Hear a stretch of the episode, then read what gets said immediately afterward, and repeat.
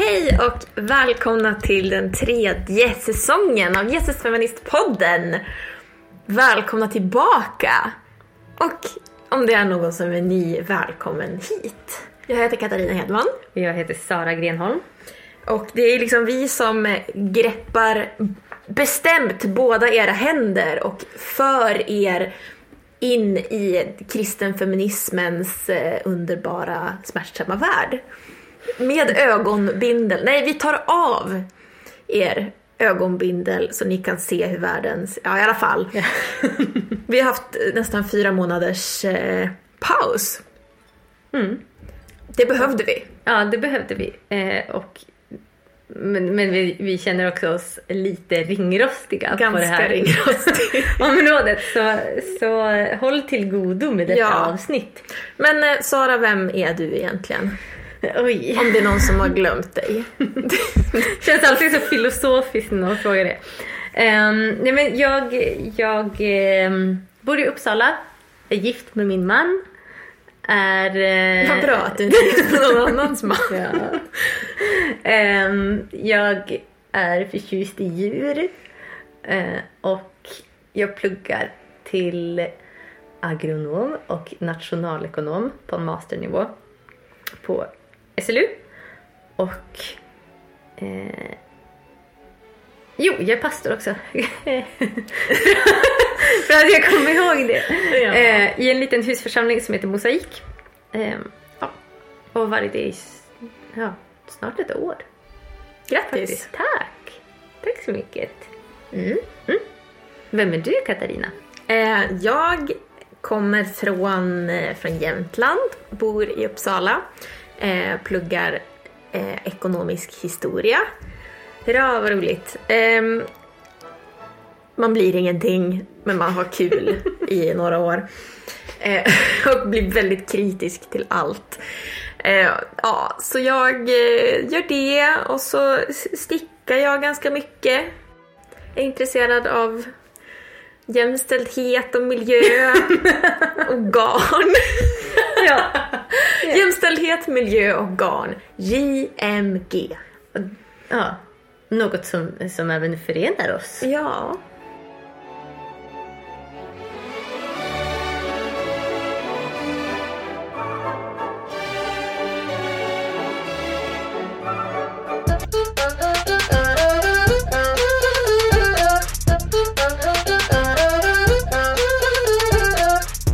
Idag så ska vi prata om kyrka för kvinnor. Och det här avsnittet är eh, lite av en eh, vad ska man säga, fortsättning på avsnitt nummer fem. Eh, där vi pratar om hur liksom, kyrkans, ska vi säga, försök till jämställdhet eh, har blivit liksom, lite som ett svar på liberalfeminismen. Att man, att man går liksom en väldigt liberal väg när man ska försöka göra jämställdhet. Att det blir mycket det här, eh, mycket individfokus. Det är du som ska ta dig ur din egen skit helt enkelt. Um, och det, man kan säga att det är ditt fel att du sitter där, att du känner att du inte är värdefull eh, eller att du känner att du inte kan göra saker. Det beror ju på att, på att du Eh, du har inte lovebombat dig tillräckligt framför spegeln. Du måste ju köra lite daily affirmations. Det är klart att du inte klarar av något för du har ju inte kört dina daily affirmations. Eh, men vi ska inte repetera det vi säger där utan jag vill hellre hänvisa er dit. Som sagt, så det här är då en, för, en, en fortsättning då på, på det avsnittet. Mm. Exakt. Vad är då en kyrka för kvinnor? Kyrka för kvinnor är kanske inte enbart en vacker historia.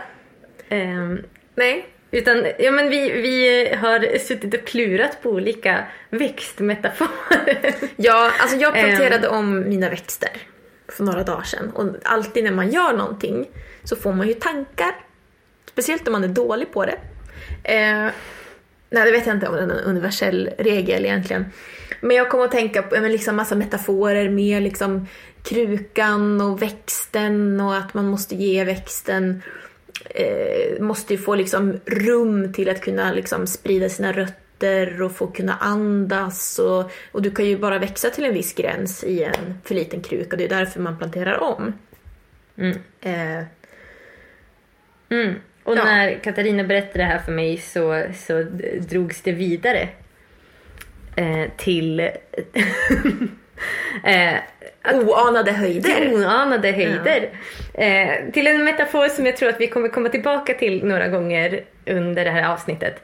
Eh, jo, vi skulle kunna beskriva kvinnan i kyrkan som ehm, eller egentligen, kö, kö, könen i kyrkan. det är direkt väldigt obehagligt. Ja, men, nej, men kvinnor och män i kyrkan som två krukor. Där kvinnorna har... Eller två växter. Ja, egentligen precis. Två växter. Mm. Eh, det, som jag skulle säga är en ganska väldigt samma typ av växt. Även Alltså, i växtriket att finns det alla- ju ha en växt. Men att alla individer är olika växter och sen beroende på vilka genitalier den här växten har så får de olika krukor. Ja, Tilldelat. exakt. Så kvinnoväxterna eh, får en väldigt, väldigt liten kruka tilldelad. Eh, och precis som, som Katarina berättade innan så en, en växt som får en för liten kruka kan inte skapa ett rotsystem som ehm, Jo, men ett, ett rotsystem som, som klarar av att få växten att, att växa mer. Eh, och det, i, en, i en liten kruka så, så finns det också väldigt lite jord vilket också gör att det finns väldigt lite näring i krukan. Vilket gör att växten suger upp liksom all, all näring därifrån och står i en helt näringslös jord. Eh, och männen å andra sidan står i en gigantisk kruka. Eh, och inte, och inte på liksom egna meriter utan de har bara blivit, de har blivit De planterade. har blivit, blivit planterade från att de är små. Eh, i, ja, från att de fick, fick sin, sin första blåa mössa på BB. Det Där ser, det ser hamnar liksom en, de. pel, en pelargon med en blå mössa. ja. Ja, eh, I en jättestor kruka med massa växtutrymme för rötterna, massa växtutrymme för eh, ja, men så här, Eh, större krukor brukar vara högre vilket gör att den får en massa plats för sina grenar och så vidare. Vilket gör att den också kan tryggt och säkert överskugga mindre växter i mindre krukor. Eh, och också så, så, eh, så finns det mycket mer eh, ja, mycket mer växtpotential helt enkelt i den här krukan. Eh, och så ser det ut. Mm. Och det här förklarar, eh, vi skulle kanske ha sagt det innan, men att, att kvinnor och män har väldigt olika förutsättningar i kyrkan. Olika förutsättningar att eh, nu, såhär, vissa tycker att vi snör in för mycket på det här med liksom ledarskap, men det, det är väldigt, väldigt relevant. Eh, men så exempelvis då att att kvinn, kvinnligt ledarskap är inte alls lika accepterat. Det är inte lika... Eh, det är väldigt svårt för en kvinna att slå sig fram, med fel uttryck, men att vi, vi värderar kvinnor på ett sånt annorlunda sätt att en kvinna måste vara liksom dubbelt så kompetent som en man för att kunna konkurrera, eller så här, för att bedömas som likvärdig. Eh, att man har, man uppfattar något en kvinna säger väldigt mycket annorlunda för man har en, en förutfattad mening om hur kvinnor ska vara. Eh, jag debatterade lite grann i dagen här för några dagar sedan eh, om eh, där jag skrev, skulle jag vilja säga, ett, ett väldigt balanserat, trevligt men rakt eh, en debattartikel om att jag önskar att, eh, att man prioriterade mer undervisning eh, kring varför kvinnan får leda. Liksom, typ så. Ehm, och eh, och jag, jag tänkte på det att, att, eh, att hade en man skrivit det. Hade jag hetat, om jag hade, bli, om jag hade fötts som kille då hade jag hetat Ruben. Så hade Ruben Hedman skrivit det här. Då hade man bara, ah, intressant. Ja, ja men han kanske har en poäng. Ja, ja eller kanske inte. Ja, men intressant. Men när Katarina Hedman, som också är feminist, eh, skriver någonting, då blir ju folk då tycker ju folk att jag är otrevlig. Eh, och att jag är liksom anti-män. Och, alltså i alla fall. Var det någon som kommenterade så? Ja, men det, folk kommenterar en massa sjuka grejer. Men i alla fall att vi, vi bedömer så otroligt olika och det här påverkar ju också vilket typ av ledarskap vi får i kyrkan, att vi premierar manligt ledarskap. Det här pratar vi också om i avsnitt 5. Eh, men att som när du växer upp som tjej i frikyrkan, eh, för det är där vi har varit, så, så är det ju väldigt olika, alltså om vi då ska sätta de här olika krukorna i praktik, så här, hur har det sett ut liksom, i våra egna liv? Att man går på tjejseminarium och eh, får chokladpudding och kastar rosa ballonger. Och så får man, det primära budskapet man får höra är Du duger, var dig själv, du är värdefull. Du är vacker. Och en dag kommer du också få gifta dig. Mm. Eh, det är det som jag har fått liksom, ja, det är det budskapet, eller ska vi säga undervisningen jag har fått riktad till mig på tjejseminarium. Och, och det är ju med all välvilja många gånger. Ja, att man tänker sig att många tjejer kämpar med dåligt självförtroende och dålig självbild och så vill man någonstans mm. möta tjejer i det. Och det är ju, det är ju någonting, det är ju fint. Mm. Men frågan är också så här, vad eh, vad är det man försöker anpassa kvinnorna till? Mm. Eh, och vad är det man inte säger genom att göra det här? Eh, för det jag, det jag tänker, eller så, om, om man ska generalisera eh, mans seminarier och kvinnors seminarier eh, och liksom vad man försöker uttrycka eh, där och vad man väljer att undervisa om och inte undervisa om och så vidare. Eh, det, det är ju både att det är cementerande av könsroller eh, och det har vi pratat en del om i avsnitt fem också. Eh, men, men också att det på, e, på ett sätt också är någonting, någonting bra i att man försöker anpassa de här grupperna till det liv som de kan förvänta sig inom citationstecken. Men att också eh, men, men att det man också gör det är ju att försöka anpassa de här två grupperna till sina respektive krukor. Mm, eh, utan att överhuvudtaget ifrågasätta eh, hur rimligt det är att männens krukor tar så sjukt mycket mer plats på fönsterbrädan än vad kvinnorna gör. Mm, eh, och eh, alltså så här, varför vi får så olika växtutrymme. Precis. Och man har en bild av kvinnor eh, där de primärt är den omvårdande, eh, den som fixar i hemmet och håller ihop en relation och sådär. Då är det ju jättebra att man får lära sig liksom bra relationship skills från en tidig ålder. Det är jättebra. Um, men eh, kvinnor är ju, är ju också människor. Mm. Nej men att det finns ju sån otrolig bredd av människor. Eh, och och det är, alltså så här, det är många kristna som menar att ja, men det är skillnad på kvinnor och män och det är skapat så och det är så bra, vi ska komplettera varandra, bla bla bla.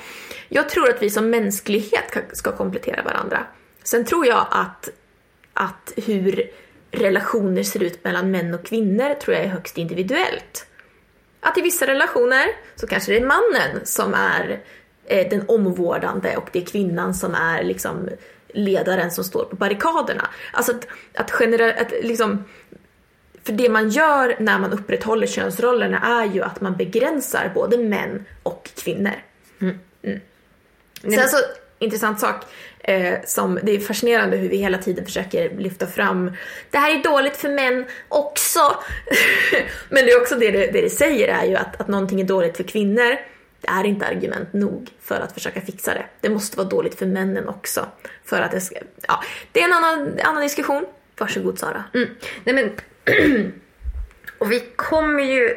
Eh, alltså det, var ju inte, det var ju inte länge sedan som man tänkte att kvinnor är helt och hållet inkompetenta eh, till att överhuvudtaget ha någon slags, eh, någon slags ansvar i något annat sammanhang än hemmet. Eh, det var verkligen inte länge sedan och därifrån så har vi försökt röra oss nu. Eh, och så, ja, men, som vi pratade om i, i eh, avsnittet om complementarianism så har vi den, den synen på, på manligt och kvinnligt där man ser så här att, att kvinnor, ja men att könsrollerna är superviktiga för att Gud har skapat oss så och det är skapelseordningen och mannen är överordnad kvinnan för att Gud har skapat det så. Om man ska eh, dra det väldigt kort. Um, så, så har vi ju väldigt få kyrkor i Sverige där man faktiskt fortfarande tänker så. Mm. Um, eller fortfarande. Det Eller- skapades på ja. 70-talet typ. Men, men eh, där man faktiskt har anammat den teologin och faktiskt står för det. Precis, de Eh, allra flesta vill ju jämställdhet. Ja, de allra flesta har ju en teologi som, som är mer egalitär. Ehm, där man ser att män och kvinnor borde ha samma, samma möjligheter eh, till att tjäna Gud. Eh, och rent inget- teologiskt ja. finns det inga motsättningar där. Precis. Ehm, men, men det vi ser idag, det är ju att vi har ett sätt att kommunicera med kvinnor som inte utrustar kvinnor eh, till att tjäna på samma villkor som män. Precis. Eh. Vad är det för budskap som män får?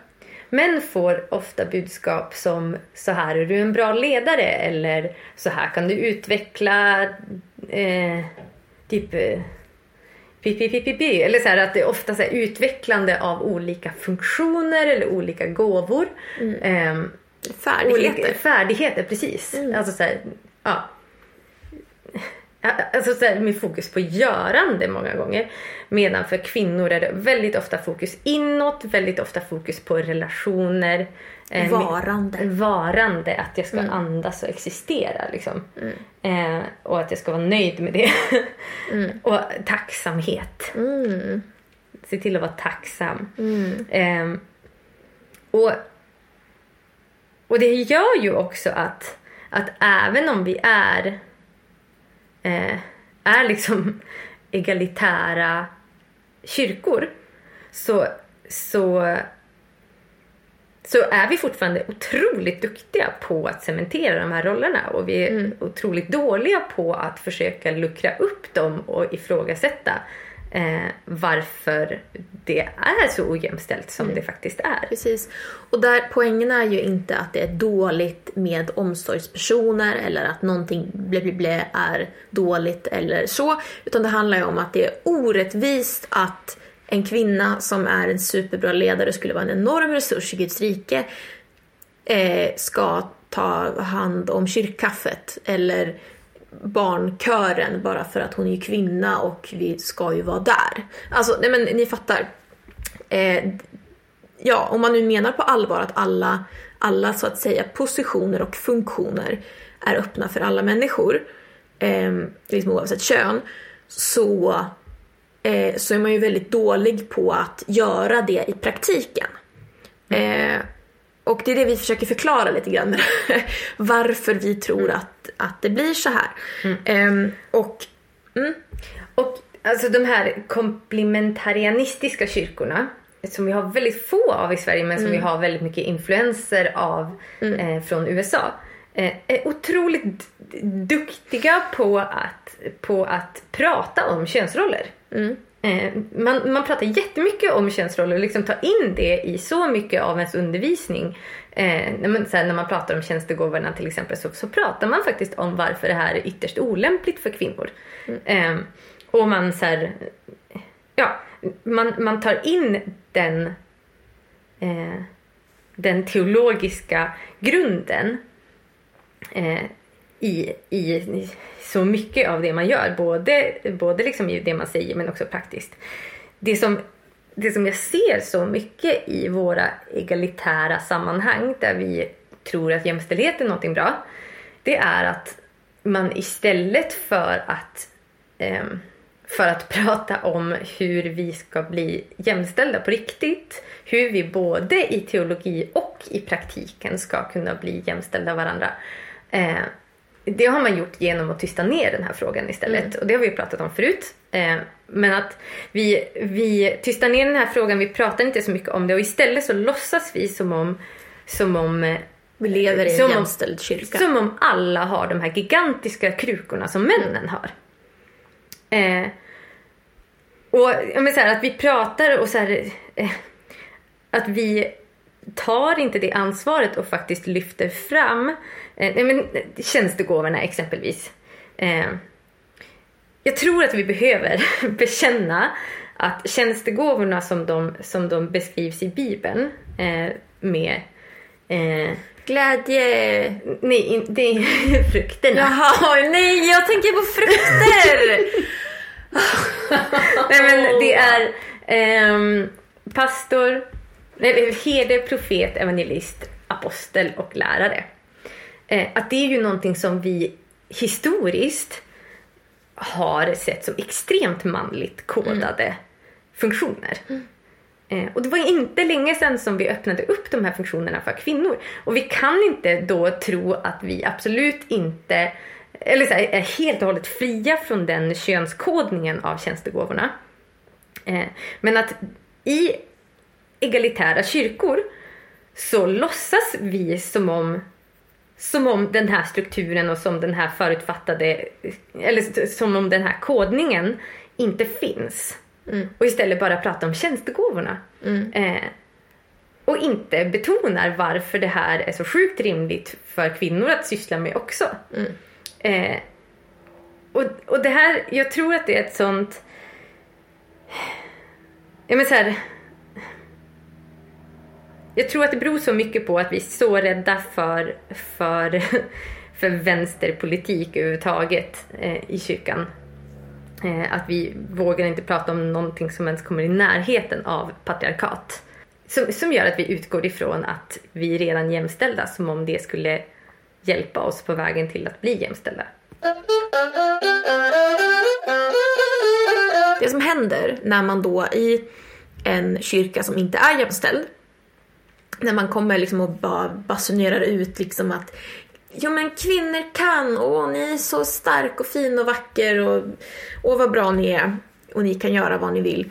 Um, om vi ska fortsätta på våra blom och växtmetaforer, som jag för övrigt stör mig mycket på, sen går jag och gör eh, samma sak själv, är ju att vi, nej men det är som att vi kommer med ett jättefint budskap och, och med all välvilja, eh, men det får inte, det, det växer liksom inte. Eh, och det är ju för att du planterar det ute på vintern. Alltså du kommer med din fina lilla stickling och så planterar du den i en kruka och ställer den ute, liksom, ute på bron i 20 minus. Och sen, nej, den leder inte. Ja, men då planterar jag en ny och ställer ut. Och så länge inte omständigheterna runt, det vill säga men klimatet alltså, eller så, förändras, så kommer inte din lilla nyplanterade växt att, eh, att frodas. Så att den, liksom, det, klimatet i kyrkorna är fortfarande patriarkalt. Och därför kommer inte ett budskap om att kvinnor kan, åh vad bra, kommer, det kommer att dö ganska fort. För att det finns inte en atmosfär där inne där det faktiskt kan liksom blomstra. eh, och ja men liksom, och va, okej vad gör vi då? Om vi då liksom inser att aha, vi har väldigt, väldigt färgade glasögon. Som sagt, vi både eh, vi ser manligt kvinnligt på väldigt olika sätt. Eh, olik, vi har uppfostrats olika så att olika budskap landar olika i oss. Exempelvis som, som Sara sa att, eh, att pratar man om tjänste, eh, tjänstegåvorna då tänker man på en man. Det ska ganska mycket till, det måste liksom riktas mot mig specifikt för att jag ska fatta att det här också är för mig. Um, ja, kanske inte nu, men kanske när jag var yngre. Så det betyder som sagt att vi har färgade glasögon. Och vad gör vi då? Då kan vi inte bara liksom låtsas som att allt är frid och fröjd och vad jämställt det är och vad stora krukor alla får. Eh, utan det vi måste göra är ju att vi måste gräva lite grann och se, aha, men hur ser, jord, hur ser jorden egentligen ut här? Och då måste man också vara beredd att, aha, okej, okay, den här jorden var inte bra, då måste vi byta ut jorden. Mm. Eller typ vad det nu heter, när man ska fixa jorden. Ja men ni fattar, ni fattar. Och det här blir många väldigt rädd för. Mm. För att det, det, är en typ av att man utmanar någonting som är eh, väldigt liksom, grundläggande. Många sätter väldigt stor liksom, ska man säga, att, att, att veta, eh, att ha, som exempelvis fasta könsroller är en trygghet för många. Och jag tror att det är en falsk trygghet. Eh, för att, ja det är kanske trygghet i stunden. Alltså jag, jag jobb, har jobbat som aktör på, eh, på ett museum den här sommaren. Det var det fantastiskt, jättekul. Jag har jobbat på 1890-talet, det var det jättebra. Och 1890-talet har ju ganska fasta könsroller. Och jag har märkt att jag tyckte att det var ganska skönt. Nej men faktiskt. Att så här, man säger herrn eller frun eller fröken till folk. Man ser till att fråga om någon är fru eller fröken för det är väldigt viktigt att jag, jag ska ju inte säga fru till någon som inte är gift. Alltså att det påverkar, alltså hela den här interaktionen är, det är enklare för att det är mycket tydligare regler. Eh, sen tror inte jag att då de tydliga reglerna och de olika typerna av krukor är bra på sikt. Men det är jättebekvämt. Mm. Mm. Ja men verkligen. Och om vi börjar prata om alla de här sakerna som begränsar kvinnor eh, i kyrkan. Som, som jag skulle då säga utgör krukan. ja. eh, nej men om, om vi då börjar prata om de begränsningarna så tror jag att, att eh, väldigt många kvinnor kommer att få någon slags identitetskris ja. i det. Mm. Eh, för, att, för att det är ju väldigt så här, om, om man vet vad som är förväntningarna på en så behöver man ju aldrig reflektera heller. Nej. Kring så här, vem är jag och vad vill jag? Typ. Mm. Eh, och nu säger inte jag att så här, ingen kvinna reflekterar. Det är verkligen inte det jag säger. Utan jag tror att, jag tror att det är väldigt lätt att bli, att bli bekväm och kanske, kanske eh, i den bekvämligheten inte ta sig själv på så pass stort allvar att jag eh, vågar gå utanför det som förväntas av mig. Mm. Eh, om jag vill det. Sen måste, alltså det finns inget, inget jätteegenvärde i det. Men att, men att eh, jag tror att väldigt många kvinnor känner sig precis så som att man är i en väldigt, väldigt mycket för liten kruka. Mm. Eh, och på samma sätt så tror jag också att, att eh,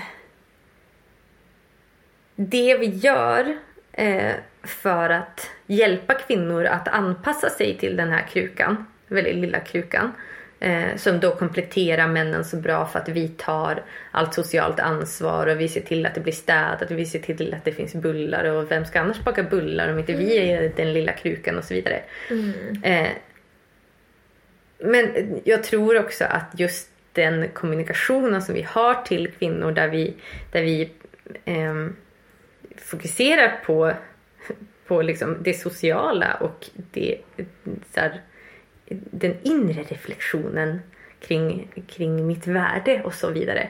Tror jag att väldigt många män skulle behöva höra. Mm. Eh, och tvärtom. Eh, att kvinnor skulle behöva höra eh, den, de budskap som riktas primärt till män som har den här jättestora krukan. Eh, men, men utan att för den skulle låtsas som om kvinnorna redan är där. Utan det, Mm. för att vi inte är där. Mm. Precis, men varför är det så svårt då att acceptera att vi står väldigt djupt i den gamla patriarkala myllan? Jag tror att det handlar jättemycket om att vi har en identitet av att vara goda. Eh, att vi är, eller så att vi som kyrkor tror att vi bara nej men åh, nej men vi har det så bra, vi är så mysiga. Eh, och att det är ju klart att vi inte vill erkänna att vi är bärare av patriarkatet och patriarkala strukturer och att vi är dessutom Mm. konserverare av Precis. dem. Mm. Eh, Jag tror ett, ett stort problem, eller orsak till det här, är för att vi eh, kopplar ihop det att ha eh, goda intentioner och vilja gott med också ett gott resultat. Men du kan ha jättegoda intentioner och sen kan du vara en röv ändå. Alltså, nej men liksom... Eh, det är ing, alltså att, att du vill väl är ingen garanti för att det blir bra. Tyvärr. Men det blir väldigt svårt för att man, man ser på sig själv som en god person och jag har goda intentioner. Då vill man ju också se att resultatet av det man gör är gott. Eh, eller det man står för också är genomgått och då, då är det väldigt svårt att acceptera att men jag kanske är, jag är representant för eh, för något som är patriarkalt och som håller fast eh, och trycker ner kvinnor. Det blir ju liksom en identi- identitetskris. Också för att men jag vill ju så väl, kan inte vara glad för det. Och det här handlar inte om eh, om jag kritiserar det någon gör så kritiserar ju inte jag den som person. Nödvändigtvis, om jag inte exakt gör det. Om jag då angriper någons, liksom att det du gjorde där, det var inte bra. I vårt samhälle så då tar vi det väldigt personligt för att vi är generellt väldigt dålig på att ta kritik. Som sagt, så då blir det att du är the good guy, blir en del av din, din identitet. Men Sara, du nämnde det här med att eh, komplementarianer är väldigt duktig på att, eh, att liksom eh, motivera sina könsroller som, som får oss då som är eh, egalitärer att framstå som väldigt oreflekterade. Mm. Och att vi inte vet vad vi står för. Verkligen. Mm. Men, och det handlar ju jättemycket om att, att de... Eh, jag menar, att, att de är så duktiga just på att predika kvinnors bundenhet. Mm. Som om det är något tydligt förankrat i Bibeln som inte går att ifrågasätta. Eh, medan i medan vi i egalitära sammanhang eh, jag vet inte om vi saknar en motreaktion. Eh, eller, eller vad det är egentligen som händer. Det kanske är helt enkelt bara att vi eh, inte tycker att kvinnor är nog viktiga. Mm. Eh, som gör att vi att vi inte tar vårt ansvar i att kanske tio gånger oftare predika kvinnors frihet som skulle behövas för att kvinnor faktiskt skulle kunna bli fria. Mm. Eh, att tjäna Gud. Ja, så den kyrka för kvinnor som vi då istället ser är en sorts, vi är inte komplementarianer eh, utan vi blir någon sorts mittemellan, ja men girl power kultur som sen inte resulterar i någonting. Som sagt, för att det, du analyserar inte marken som du ska plantera det här budskapet i. Utan du bara kastar ut budskapet. Och hoppas att det landar bra. Men det gör ju inte det. Ja. Men, och att vi också så här, typ, ja, men om vi bara låtsas som om det är en bra mark. Om vi bara låtsas som det, då kommer det bli bra. Och vi bara proklamerar att det här är bra. Oj, oj, oj. Det tror jag för övrigt kan funka, men inte i det här, eh, inte i det här sammanhanget. Ehm, Ja. Ja, men för att det, ofta så blir det liksom så här att, att allting ska bara fixas bara sådär. Utan att jag ska behöva gå några runder med mig själv eller behöva liksom förändra någonting. Utan allting ska bara, ska bara lösa sig. Bara smack så faller Guds ande och plötsligt så är vi jämställda. Det vore ju fantastiskt. Men jag, jag tror att vi, det, alltså vi måste, okej det, det skulle kanske kunna hända. Jag tror att allt är möjligt för Gud. Men, men grejen är att vi skulle väldigt snabbt skapa ett patriarkat igen. För att vi har inte lärt oss eh, någonting annorlunda. Precis. Vi har inte ändrat våra handlingsmönster. Mm. Ja. Eh, I alla fall. Hur ska vi lösa det här då? Hur ska vi sluta kasta ut eh, liksom fina sticklingar ut i vintern? Vi måste ju ta hand om våra sticklingar. Så de frodas och, och mår bra. Ja. Nej, men dels så tror jag att, att vi behöver, som vi har poängterat så många gånger förut i tidigare avsnitt, att vi behöver börja prata om strukturer. För att vi är så rädda för att prata om strukturer. Eh, och vi behöver prata om hur begränsade kvinnor faktiskt är i kyrkan. Ehm, och, och varför det är obibliskt att kvinnor ska vara så Precis. begränsade i kyrkan. Men mm, någon kan ju då säga att bara, jaha, men, men jag har aldrig hört någon kvinna som har sagt att de känner sig begränsade. Ingen kvinna jag respekterar. I alla fall. Nej men alltså, legit, det här... eh, Ja, så här resonerar folk. Och att där måste vi också då fundera på, alltså som är väldigt, väldigt bra från feministiskt håll, att kunna sen analysera makt. Och liksom makt, maktrelationer. Att du aldrig har hört någon kvinna som har liksom känt sig begränsade kanske för att hon inte vågar yttra det. Hon har kanske inte ens vågat erkänna det för sig själv. Ja, för att det är så smärtsamt. Eller kanske inte ens har en vok- vokabulär Precis. för att kunna uttrycka det hon känner. Ja. Eh, för det tror jag verkligen är, är eh, kanske en av de största fördelarna med feministisk analys är att man får en vokabulär för att, för att eh, sätta ord på ma- maktstrukturer. Eh, och det tror jag att vi behöver jättemycket av i kyrkan. Ord. Sen tror jag också att vi behöver de här separatistiska rummen där vi pratar specifikt till kvinnor. Ska vi ha ett pratar- tjejseminarium någon gång? Ja, det hade ju varit ganska kul. Det, det hade faktiskt varit jättekul. oh. mm. Det blir inte chokladpudding. Men det blir, blir mycket eldande på vår vrede. Nej, nej, nej, nej, nej, nej. Nej, nej, nej. Det blir men- sy, sy, syjunta. ja, okej. Ja. Eh, Men hur som helst, jag, jag tror att vi behöver de här feminist, inte feministiska utan separatistiska rummen. Eh, f- just för att vi behöver, eh, alltså på grund, på grund av att vi lever i ett patriarkat behöver vi prata i motreaktion mot den rådande kulturen till de här två specifika grupperna som har getts två väldigt skilda förutsättningar. För att kunna liksom ehm, krossa de förutsättningarna, ja, krossa de här krukorna och börja om från början. Eh, så behöver vi prata specifikt till de här två olika grupperna tror jag.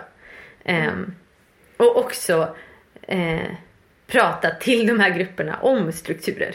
Eh, och hur det är begränsande för båda grupper såklart men i synnerhet för kvinnor. Eh, och varför det är viktigt att prata om.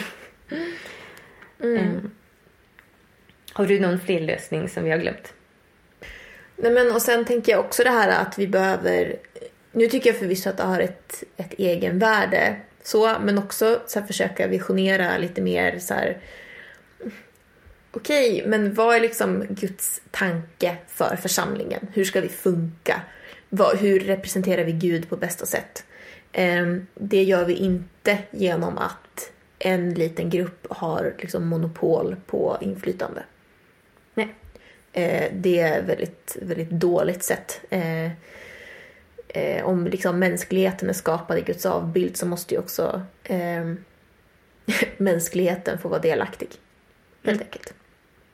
Verkligen. Eh, Eh, och, det, och, så, och igen, alltså så här, för att många blir ju, alltså män generellt, eh, blir ju så otroligt defensiv och bara, varför är det så viktigt att vi pratar om ledarskap hela tiden och det man ska tjäna, det är det viktigare och, och det är ingen rätt att få vara ledare, bla bla bla.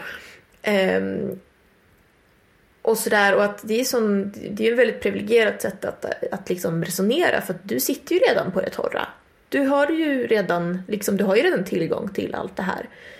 Um, att säga då till någon som, som har väldigt mycket mera motvind. Att "Men vi ska inte tänka på det där, vi ska, vi, ska, vi ska fokusera på det här. Det är en härskarteknik. Ja, verkligen. Eh. Men, och, och det är bara en sån absurd grej att bara... ja, men så här, om, om Katarina sitter med en tallrik mat och jag tar ifrån henne hennes mat och, och så här, ser till att hon inte får tag på den.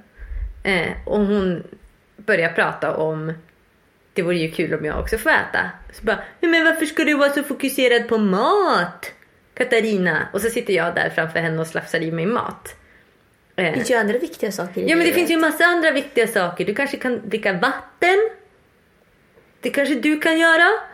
Eh, nej men så här, att ju, självklart fokuserar man på eh, det, nej men så här, det som är självklart för en grupp men som jag men som är berövat mig. Eh, självklart måste vi få prata om de sakerna där förtrycket tar sig tydliga uttryck. Precis. Eh, det, är här, det, det är lika absurt som om människor i slaveri inte skulle få prata om frihet. Bara, Men varför ska du fokusera på frihet hela tiden? Eh, Precis. men att... Ja. Vi behöver få sätta ord på vad som är problemet. Precis. Och då hade det varit jättebra om män kunde ta ett steg tillbaka och lyssna. Om det är någon man här som undrar, men vad kan jag göra? Eh, lyssna. Och försöka förstå. Mm. Men eh, det- det var det. För idag. Mm. Mm. tack så mycket för att ni har lyssnat. Och den här hösten så, eh, vi pluggar ju båda på heltid och har ju mycket engagemang och sådär. Så att vi har kommit fram till att vi ska testa att köra ett avsnitt i månaden. Buhu! Men eh, vi, vi får se. Kanske det känns för sällan. Och då ändrar vi det. Mm. Ja. Eh, så om ni saknar oss alldeles för mycket eh, så finns vi ju också eh, som möjliga föreläsare. Eh, ni kan kontakta oss på jesusfeministpodden gmail.com eh, och bjuda in oss helt enkelt till era kyrkor. Eh, och, eller, eller se till att hålla koll på när vi är i trakten. Mm. Så, så kan ni få höra lite mer av oss. Precis. Och all sån info finns ju på vår eh, Facebook-sida och på vår Instagram. Exakt. Som heter Jesusfeministpodden. Mm. Vad förutsägbara vi är. Ja. Så nästa vecka, nej nästa vecka, nästa månad Oj. i oktober, Oktoberavsnittet. oktoberavsnittet så ska vi prata om eh, surrogatmödraskap. Mm. Och det är ju inte ett ämne som diskuteras så mycket i kyrkan. Nej, Eh, men jag tror men desto att- mer utanför kyrkan. Precis, och speciellt de senaste par månaderna så har det varit ganska mycket eh, i media och sådär om surrogatmödraskap. Och, eh, och jag tycker att det är viktigt att eh, vi som kristna tänker till eh, och kan argumentera på ett bra sätt för en människovänlig ståndpunkt i den frågan. Mm. Så då ses vi då. Exakt. Hej då! Hej då!